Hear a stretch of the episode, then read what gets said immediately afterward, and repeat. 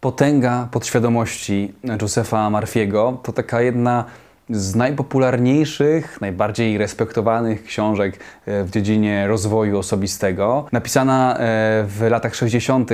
XX wieku i opowiada o pewnym obszarze przez nas jeszcze nieodkrytym, czyli o e, podświadomości. Jak sam uważa, e, odkryliśmy tylko wierzchołek góry lodowej naszego umysłu, czyli świadomość, a bardzo wieloma naszymi działaniami kieruje właśnie ta nieodkryta podświadomość. Zobaczmy, czy możemy na nią wpłynąć i jaki to może przynieść efekt w naszym życiu. Po pierwsze, jak działa podświadomość? Jak byliśmy mali, na pewno pamiętamy, że uczyliśmy się jeździć na rowerze. Najpierw e, pierwsze kroki, trzeba było wejść, pewnie jeszcze było trzecie koło, e, ktoś nam pomagał i nagle za którymś razem udało się tę równowagę utrzymać. Trochę jak z jazdą samochodem. Po pewnym czasie już o tym nie myślimy, po prostu wsiadamy na rower i jedziemy z punktu A do punktu B.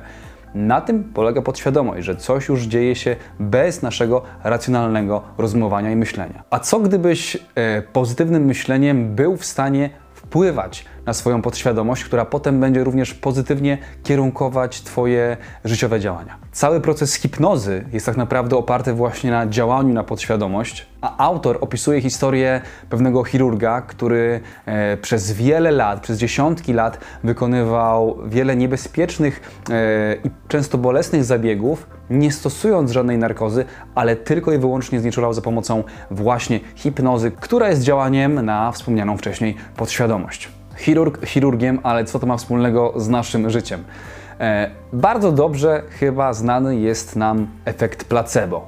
Myślimy, że e, coś na nas wpływa, bardzo głęboko w to wierzymy. To mogą być też aspekty religijne, w to już e, nie wnikajmy głębiej.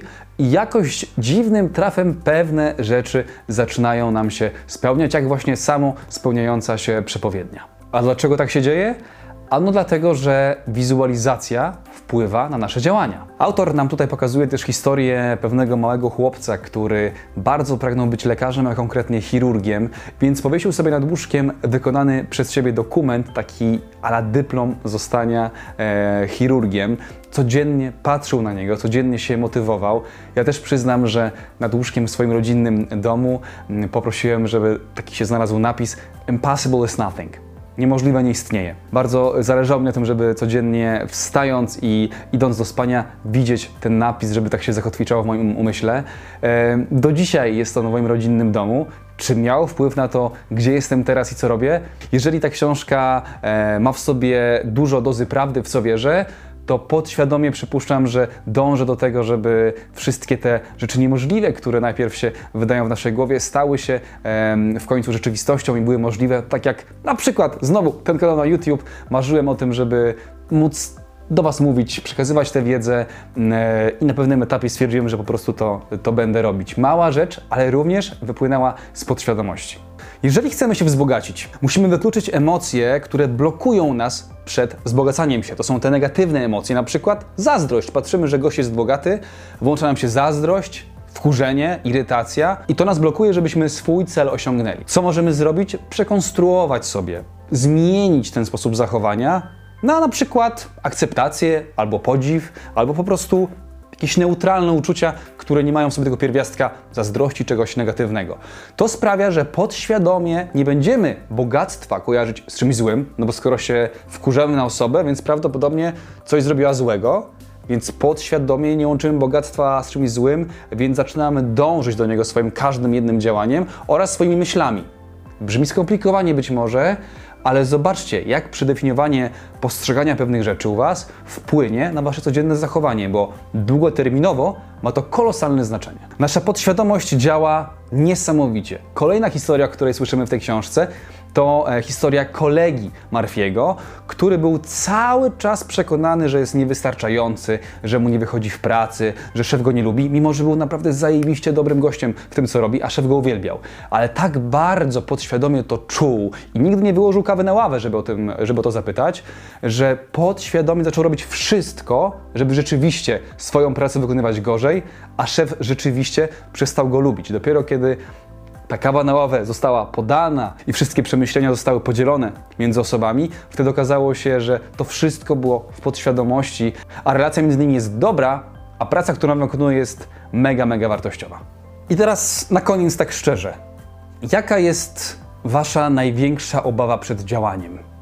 Przed zrobieniem czegoś ryzykownego, przed zrobieniem czegoś, co może nie wyjść? Prawdopodobnie, strzelam, jest to strach przed porażką.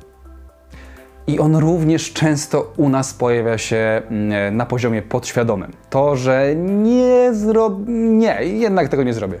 Nie. Dlaczego to mówimy? Dlaczego?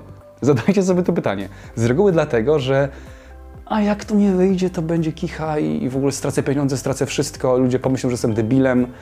Nie warto. I teraz jadę na pełnej szczerości. Wiem, że ten kanał potrzebuje bardzo e, wiele miesięcy rozwoju, żeby dojść do momentu, na którym mi zależy.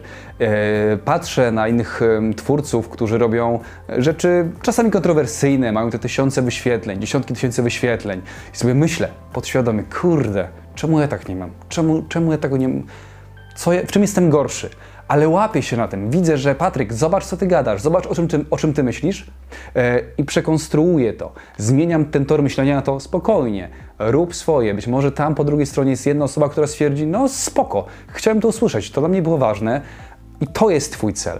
To jest twój cel, tego się trzymaj. Także strach przed porażką musicie sobie nazwać. Musicie zobaczyć, że on naprawdę w waszej głowie jest i dopiero jak go odkryjecie, że tam gdzieś w podświadomości jest ta obawa przed porażką, dopiero zobaczycie, ile jesteście w stanie zrobić. Także działanie, działanie, działanie. To była esencja z książki Josefa Marfiego Potęga podświadomości, już owiana trochę legendą, bo jest takim typowym klasykiem rozwoju osobistego. Mam nadzieję, że e, wasza podświadomość podpowie wam teraz, żeby e, polajkować ten odcinek, zasubskrybować i mam nadzieję, że e, uda wam się podświadomie przed 30 osiągnąć wymarzony sukces. Do zobaczenia.